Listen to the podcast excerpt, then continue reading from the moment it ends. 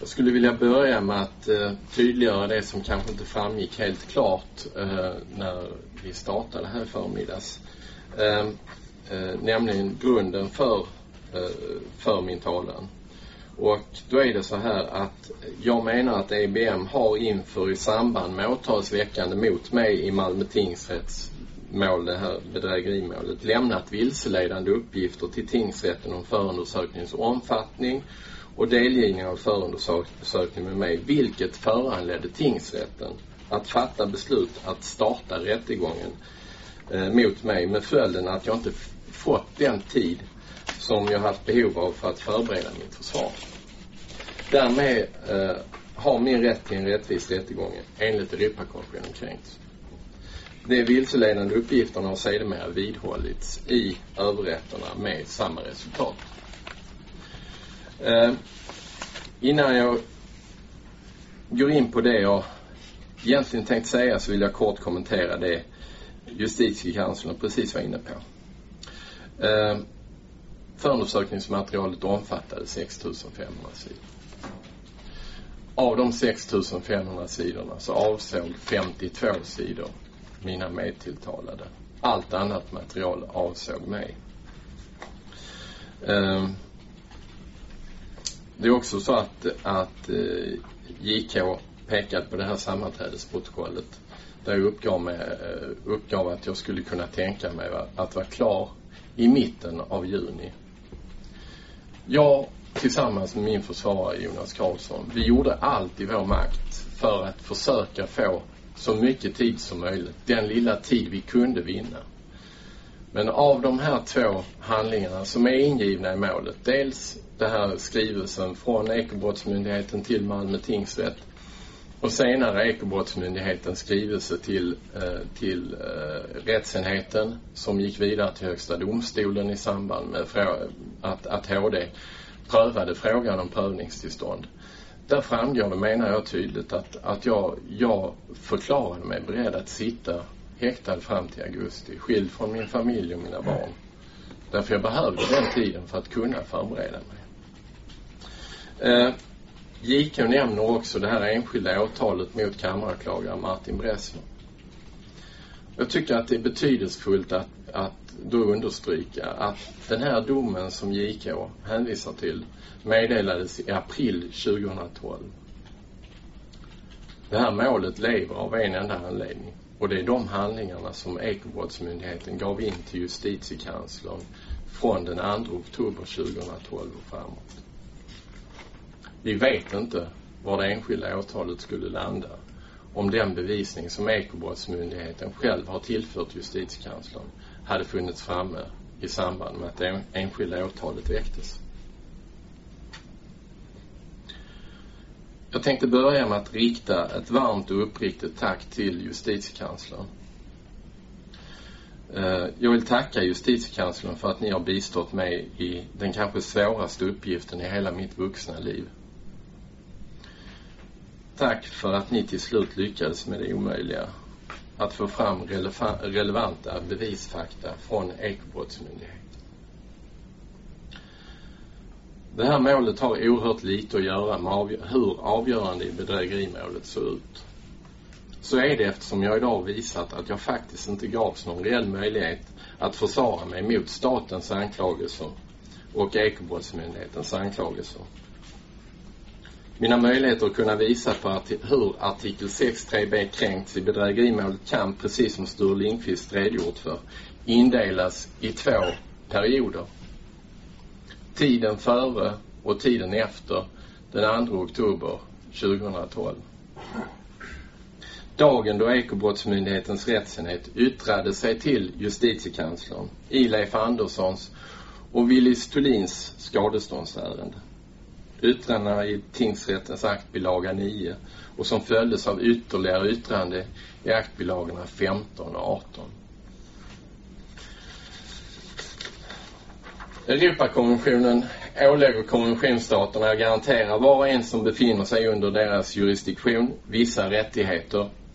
Enligt artikel 6.3b i Europakonventionen är var och en som anklagas för brott som en minimirättighet berättigat till tillräcklig tid och tillräcklig möjlighet för förberedelse av sitt försvar.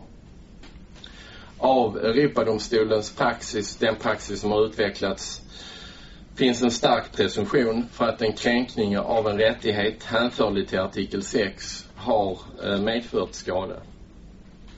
Staten har därmed i det här målet att visa att en inträffad kränkning på grund av särskilda omständigheter har saknat betydelse för den kränkning som jag påstår mig ha blivit utsatt för. Om inte annat kan visas så skall den här kränkningen anses ha medfört en skada och därmed föreligger det också ansvarsgrund. HD har i mål som rört skadeståndstalan mot staten uttalat att skadeståndslagen i den utsträckning som det är möjligt ska tolkas fördragskonformt. Eh, jag hänvisar där till NJA 203 sidan 217. Eh, 2003, förlåt mig. HD konstaterar i ett annat mål, NJA 2005 sidan 462 att staten kan bli skadeståndsskyldig för förmögenhetsskada som orsakats av omständighet som innefattat kränkning av Europakonventionens artikel 6. I det ärendet så redovisas fel och försummelser som uppstått genom ett antal förbiseenden hos flera tjänstemän på Åklagarmyndigheten. Summan av de misstag som begåtts var avgörande då det inte gick att direkt peka ut vem som varit oaktsam i det enskilda fallet. Eh, det krävdes inte något kvalificerat vållande. HD fann att den kränkning av Europakonventionens artikel 6 som förekommit kunde hänföras till förhållande inom åklag åklagarmyndigheten och att den skadelidande kunde styrka orsakssamband mellan kränkning och skada på ett sätt som berättar om till ersättning för förmögenhetsskada. Det som i, inom Europadomstolen kallas för loss of opportunities. HD noterade i målet att Europadomstolen eh, normalt dömer ut ersättning för renodlad eh, visad ideell skada, non-pecuniary damage vid kränkning av artikel 6 och fann övervägande skäl för att ideellt skadestånd kan dömas ut även av svensk domstol med hänvisning till praxis utvecklad vid Europadomstolen. Eh, även ett annat avgörande hos Högsta domstolen i NJA 2007 sidan 295 är av intresse i det här målet även om det ärendet handlar om en kränkning av artikel 5. Där fann HD att skadestånd på grund av brott mot artikel 5 i Europakonventionen i första hand ska prövas enligt den inhemska skadeståndslagen och lagen om eh, frihetsberövande och andra åtgärder. Bestämmelserna skulle då tolkas fördragskonformt. Men i den mån Sveriges förpliktelser enligt artikel 5.5 inte kunde uppfyllas vid en sån tillämpning, det vill säga av vår inhemska skadeståndslag, fann HD att skadestånd får utdömas utan särskilt lagstöd. Så vitt avser ersättningsnivåerna hänvisade man till Europadomstolens praxis men man konstaterar också att, att eh, beroende på olika länder så kan man tänka sig att man hamnar på olika ersättningsnivåer.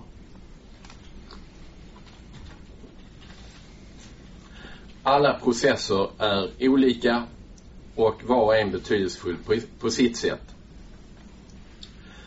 Men i det här målet så har Stockholms tingsrätt en unik möjlighet att skapa en gränsdragning som inte finns idag.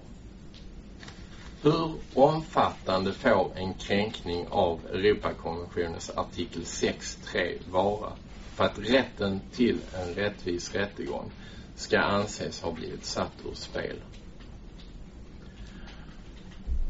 Hans Danelius ger i boken Mänskliga rättigheter i europeisk praxis uttryck för uppfattning att ärenden som rör kränkning av Europakonventionen ska i första hand behandlas vid inhemska domstolar.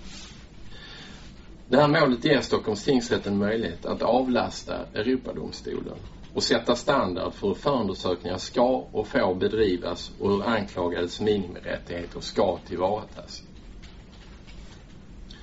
I vår sakframställan har vi uteslutande, påstår jag, redovisat Ekobrottsmyndighetens egna uppgifter.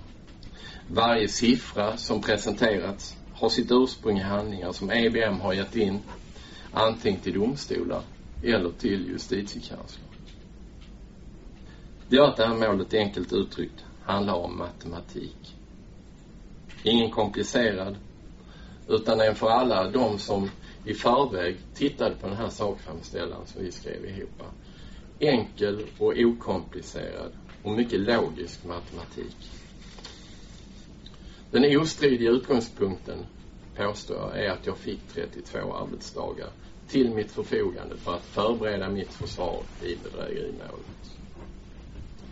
Lika ostridigt är att jag begärde tid utöver de 32 dagarna och att de båda åklagarna Martin Bressman och Lars Olsson som framgår av tingsrättens aktbilaga 11 sidan 4 men framförallt av aktbilaga 12 sidan 2 redan den 13 maj, alltså nästan en månad innan rättegångsstarten var fullt medvetna om att jag var mer än villig och mer än beredd att sitta häktad över hela sommaren fram till augusti månad för att kunna hinna förbereda. Det skulle ha gett mig de ytterligare 60 till 75 dagarna som hade krävts för att jag på ett någorlunda sätt skulle kunna hinna förbereda mig. Men det var definitivt ingenting som Ekobrottsmyndigheten och de här två åklagarna var intresserade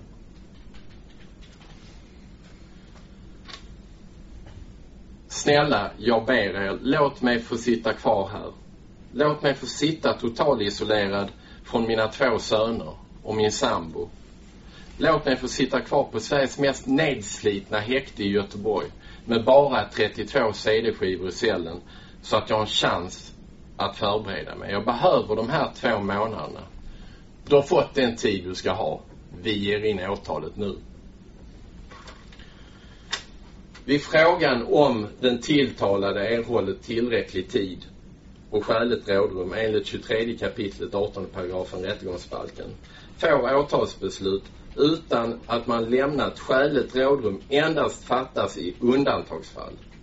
Och unda till undantagsfallen hör om det rör sig om risk för omedelbar preskription. Vid sidan av inhemsk lagstiftning har den misstänktes rätt till tillräcklig tid att förbereda sitt försvar tydliggjorts genom införandet av Europakonventionen.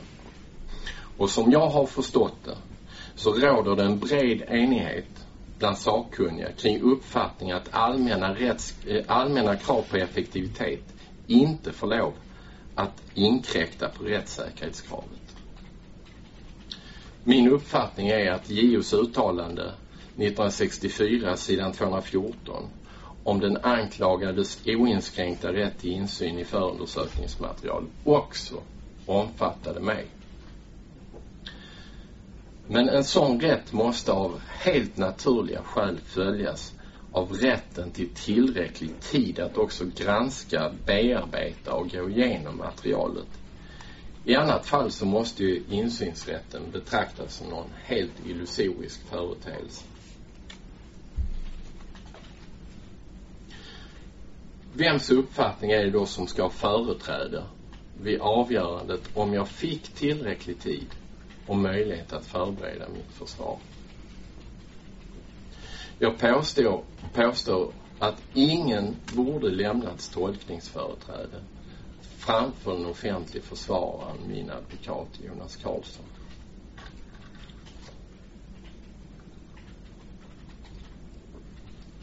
Sture Lindqvist avbröt sin sakframställan vid inledning av någonting som skulle kunna likna sin plädering när han tog upp det som doktor Stefano Stavro skriver i boken The Guarantees for Accused Persons under Article 6 of the Convention on Human Rights under avsnittet sektion 6b. Um, ehm, det här avsnittet heter The Right to Adequate Time and Facilities for the preparation of one's defense. Alltså 6.3b. På sidan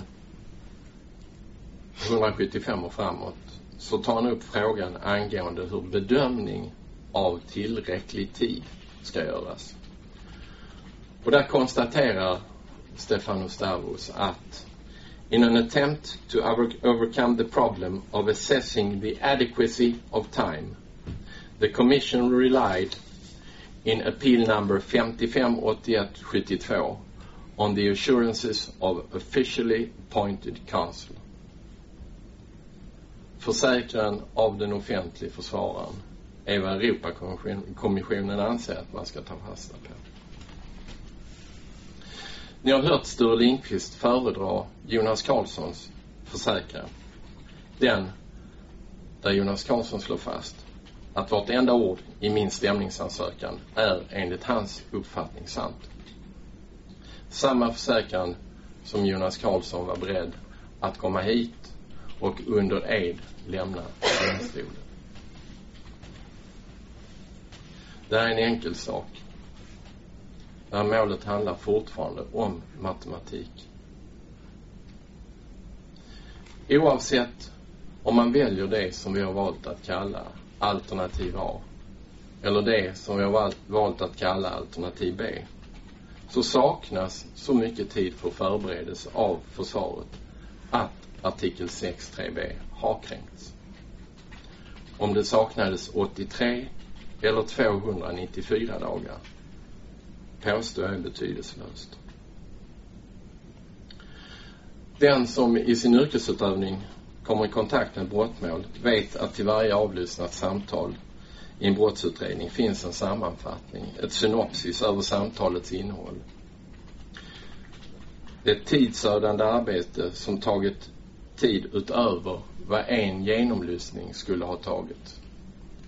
Den tidsåtgång som jag har beskrivit i alternativ A och i alternativ B, det avser en genomlyssning. Medan utredningsmännen har haft tid att sätta sig ner och sammanfatta innehållet i vart och ett av de avlyssnade samtalen. Mitt uppdrag skulle mycket väl kunna liknas i att sortera alla sandkorn i Sahara i, bo i bokstavsordning och att göra det på 32 dagar. Och det misslyckades jag med. I tingsrättens aktbilaga 11 sidan 4 sista stycket yttrandet från åklagarna Bressman och Olsson till EBMs rättsenhet finns två meningar som jag vill lyfta fram. Torgny Jönssons förklaring om att han var beredd att sitta häktad till augusti månad har tingsrätten inte kunnat förlita sig på. Ingen kan sitta frivilligt häktad i avvaktan på lämplig tidpunkt för huvudförhandling efter det att förundersökningen avslutats. Det åklagarna här kallar för någon slags förklaring. Det var en begäran från min sida direkt riktad till åklagarna på EBM. Och för mig framstår det som fullkomligt obegripligt hur två åklagare kan ha mage att uttala sig om min frivillighet. Det handlade för min del om ett desperat försök att försvara mig själv i bedrägerimålet. På samma sida i skrivelsen i aktbilaga 11 där åklagaren slog knut på sig själv för att förminska förundersökningens omfattning säger de att under större delen av förundersökningen har de facto endast två till tre utredare varit engagerade. Det här måste, herr ordförande, jämföras med vad Ekobrottsmyndigheten skrev till justitiekanslern i aktbilaga 15. Sidan 1, fast det gjorde man tre år senare. Där skriver man så här. När det gäller omfattningen av den personella insatsen i samband med avlyssningen och det så kallade synopsis som upprättades av utredningspersonal vid Ekobrottsmyndigheten nämna att det förhållandet att ett tiotal polismän kan ha varit engagerade i olika omfattning inte står i motsats till vad Ekobrottsmyndigheten redovisat angående tillämpat arbetssätt i samband med avlyssningarna. Det var bara för avlyssningen när jag hörde Lars-Göran Rittmer i Malmö, där han stod anklagad för brott, polisens utredare, så beskrev han att de var 15 till 17 polismän.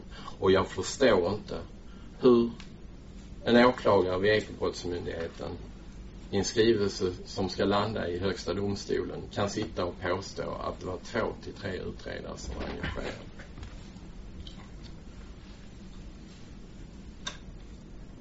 Jag dömdes 2009 för att genom vilseledande ha bedragit. Jag ber tingsrätten nu att använda samma måttstock vid bedömningen av Ekobrottsmyndighetens trovärdighet. I det här målet finns material nog för att man skulle kunna ägna dagar åt att reda ut olika versioner angående förundersökningens omfattning som Ekobrottsmyndigheten släppt ifrån sig. Men jag tycker inte att det behövs. Därför det här målet handlar om någonting helt annat. Det handlar om vanlig enkel matematik och ingenting annat. Av den kontradiktoriska principen följer den misstänktes insynsrätt.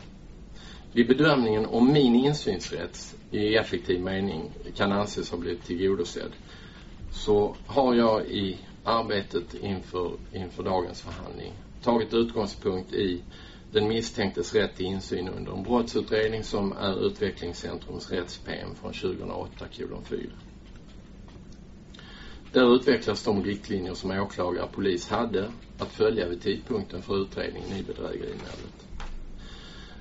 Den misstänktes insynsrätt enligt eh, detta rätts-PM inträder formellt i och med att han eller hon delges skälig misstanke om brott. Den misstänktes rätt till insyn kan enligt Europadomstolen i vissa fall inskränkas.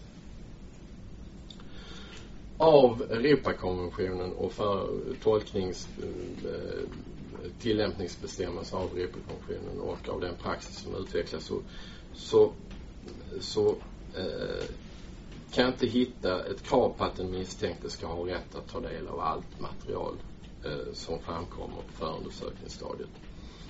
Eh, men i detta rättspem så menar man att det kan vara en förutsättning för att den misstänkte senare under rättegången ska ha möjlighet att på ett rättvist sätt kunna tillvarata sina rättigheter. Löpande delgivning bör enligt Rättscentrum användas så att den misstänkte och hans försvarare kontinuerligt får del av utredningen. Det åligger åklagaren att fortlöpande pröva vilket material som den misstänkte och försvararen kan få ta del av. Eh, I bedrägerimålet så uppgick det som ans åklagaren ansåg som möjligt att löpande delge mig till 42 telefonsamtal och 14 handlingar. Bråkdelar av promillen av det samlade förundersökningsmaterialet.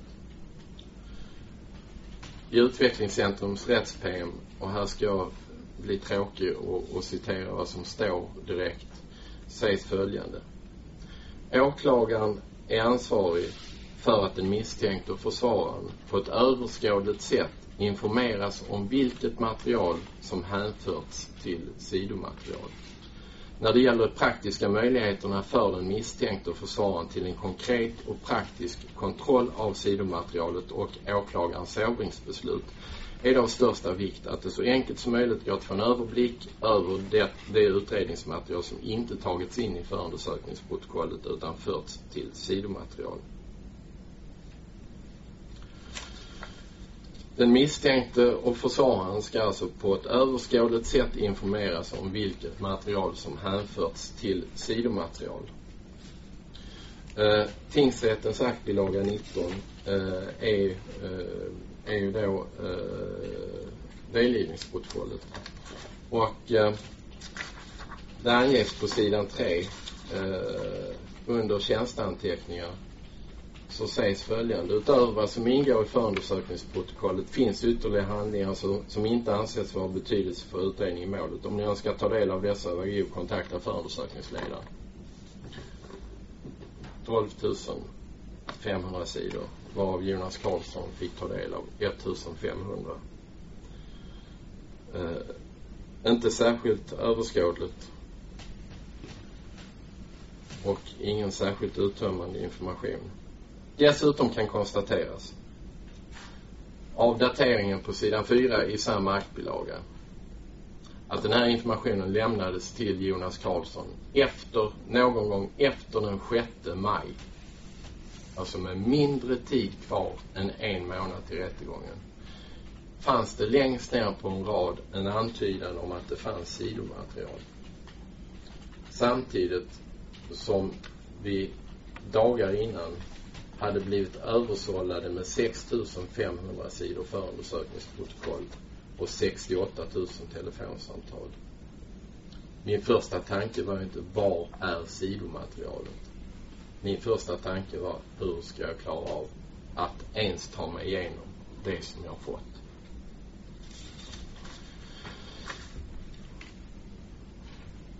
Utvecklingscentrum skriver vidare. Det krävs inte att den misstänkte och försvararen faktiskt läser igenom utredningsmaterialet. De måste också alltid få tillräcklig tid att gå igenom materialet. Hur lång tid som krävs beror på omfånget, dels på om den redan tidigare fått del av uppgifterna ur materialet. Det är inte tillräckligt med bara en hastig genomläsning vid ett förhör. Åklagaren är skyldig att avvakta med sitt beslut i åtalsfrågan till dess att tiden som givits för genomgång av materialet har löpt ut. JO har uttalat att rätten att få en kopia av materialet omfattar inte bara det sammanställda förundersökningsprotokollet utan även sådant material som åklagaren kan ha valt att inte redovisa i protokollet. Av EBMs egna uppgifter, ostridigt, uppgick antalet sidor i sidomaterialet till 12 500 sidor. Jag fick inte personligen ta del av en enda av de här sidorna därför att EBM hävdade att det var inte möjligt att genomföra av säkerhetsskäl. Däremot fick Jonas Karlsson två veckor alldeles för sent ta del av det. Att det är så här styrks påstår jag bland annat av att Jonas Karlsson själv har gått igenom stämningsansökan och framfört sina synpunkter i en skrivelse till tingsrätten men också av den kostnadsräkning som jag gett in. En del av 1500 sidor. Ja. Um,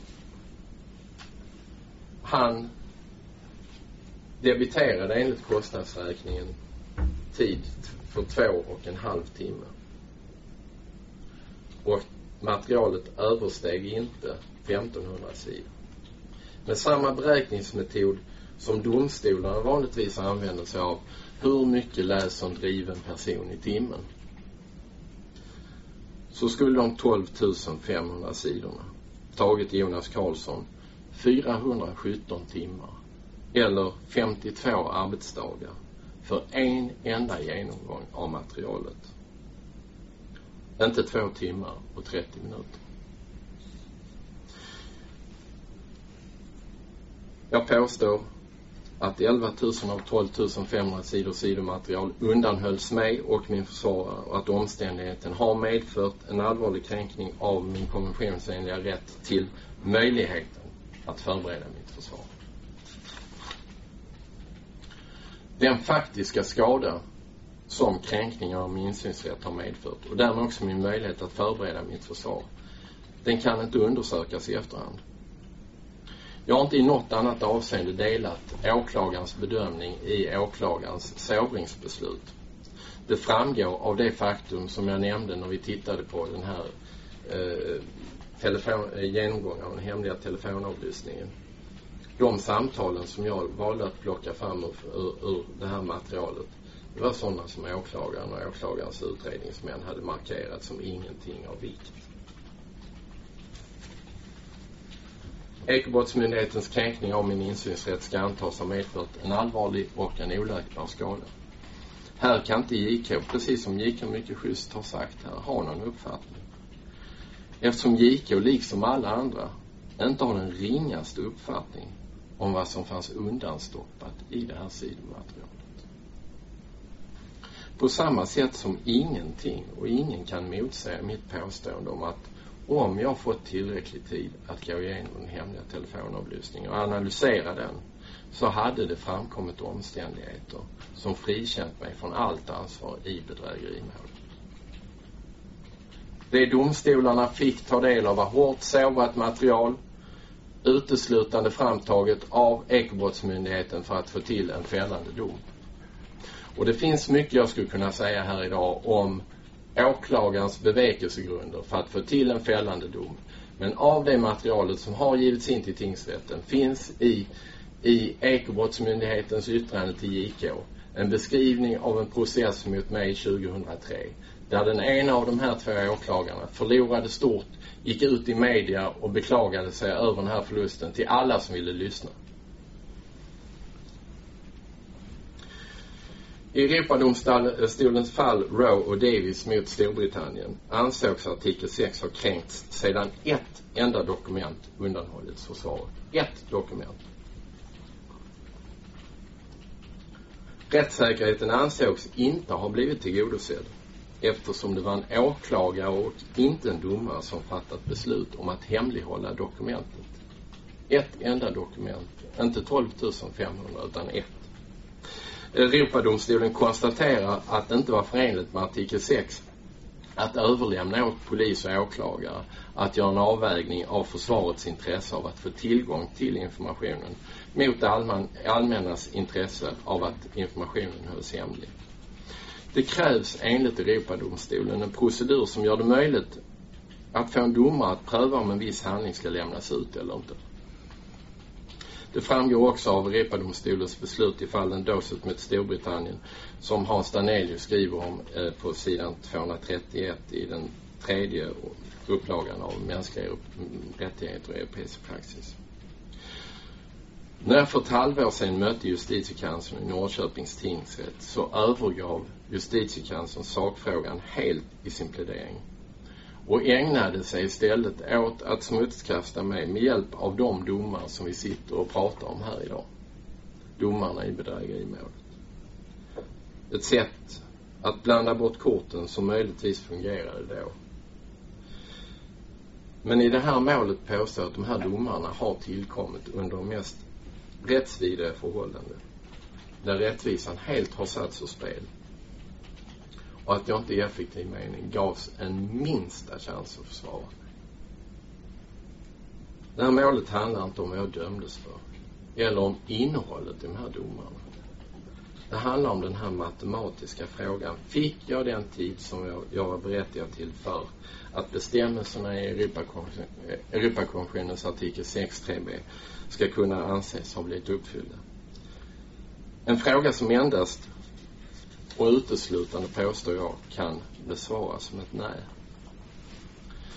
Eh, staten har i det här målet eh, i yttrande till tingsrätten bestridit adekvat orsakssamband mellan en eventuell skadeståndsgrundande fel och de eventuella förmögenhetsskador som jag gör gällande att jag har åsamkats.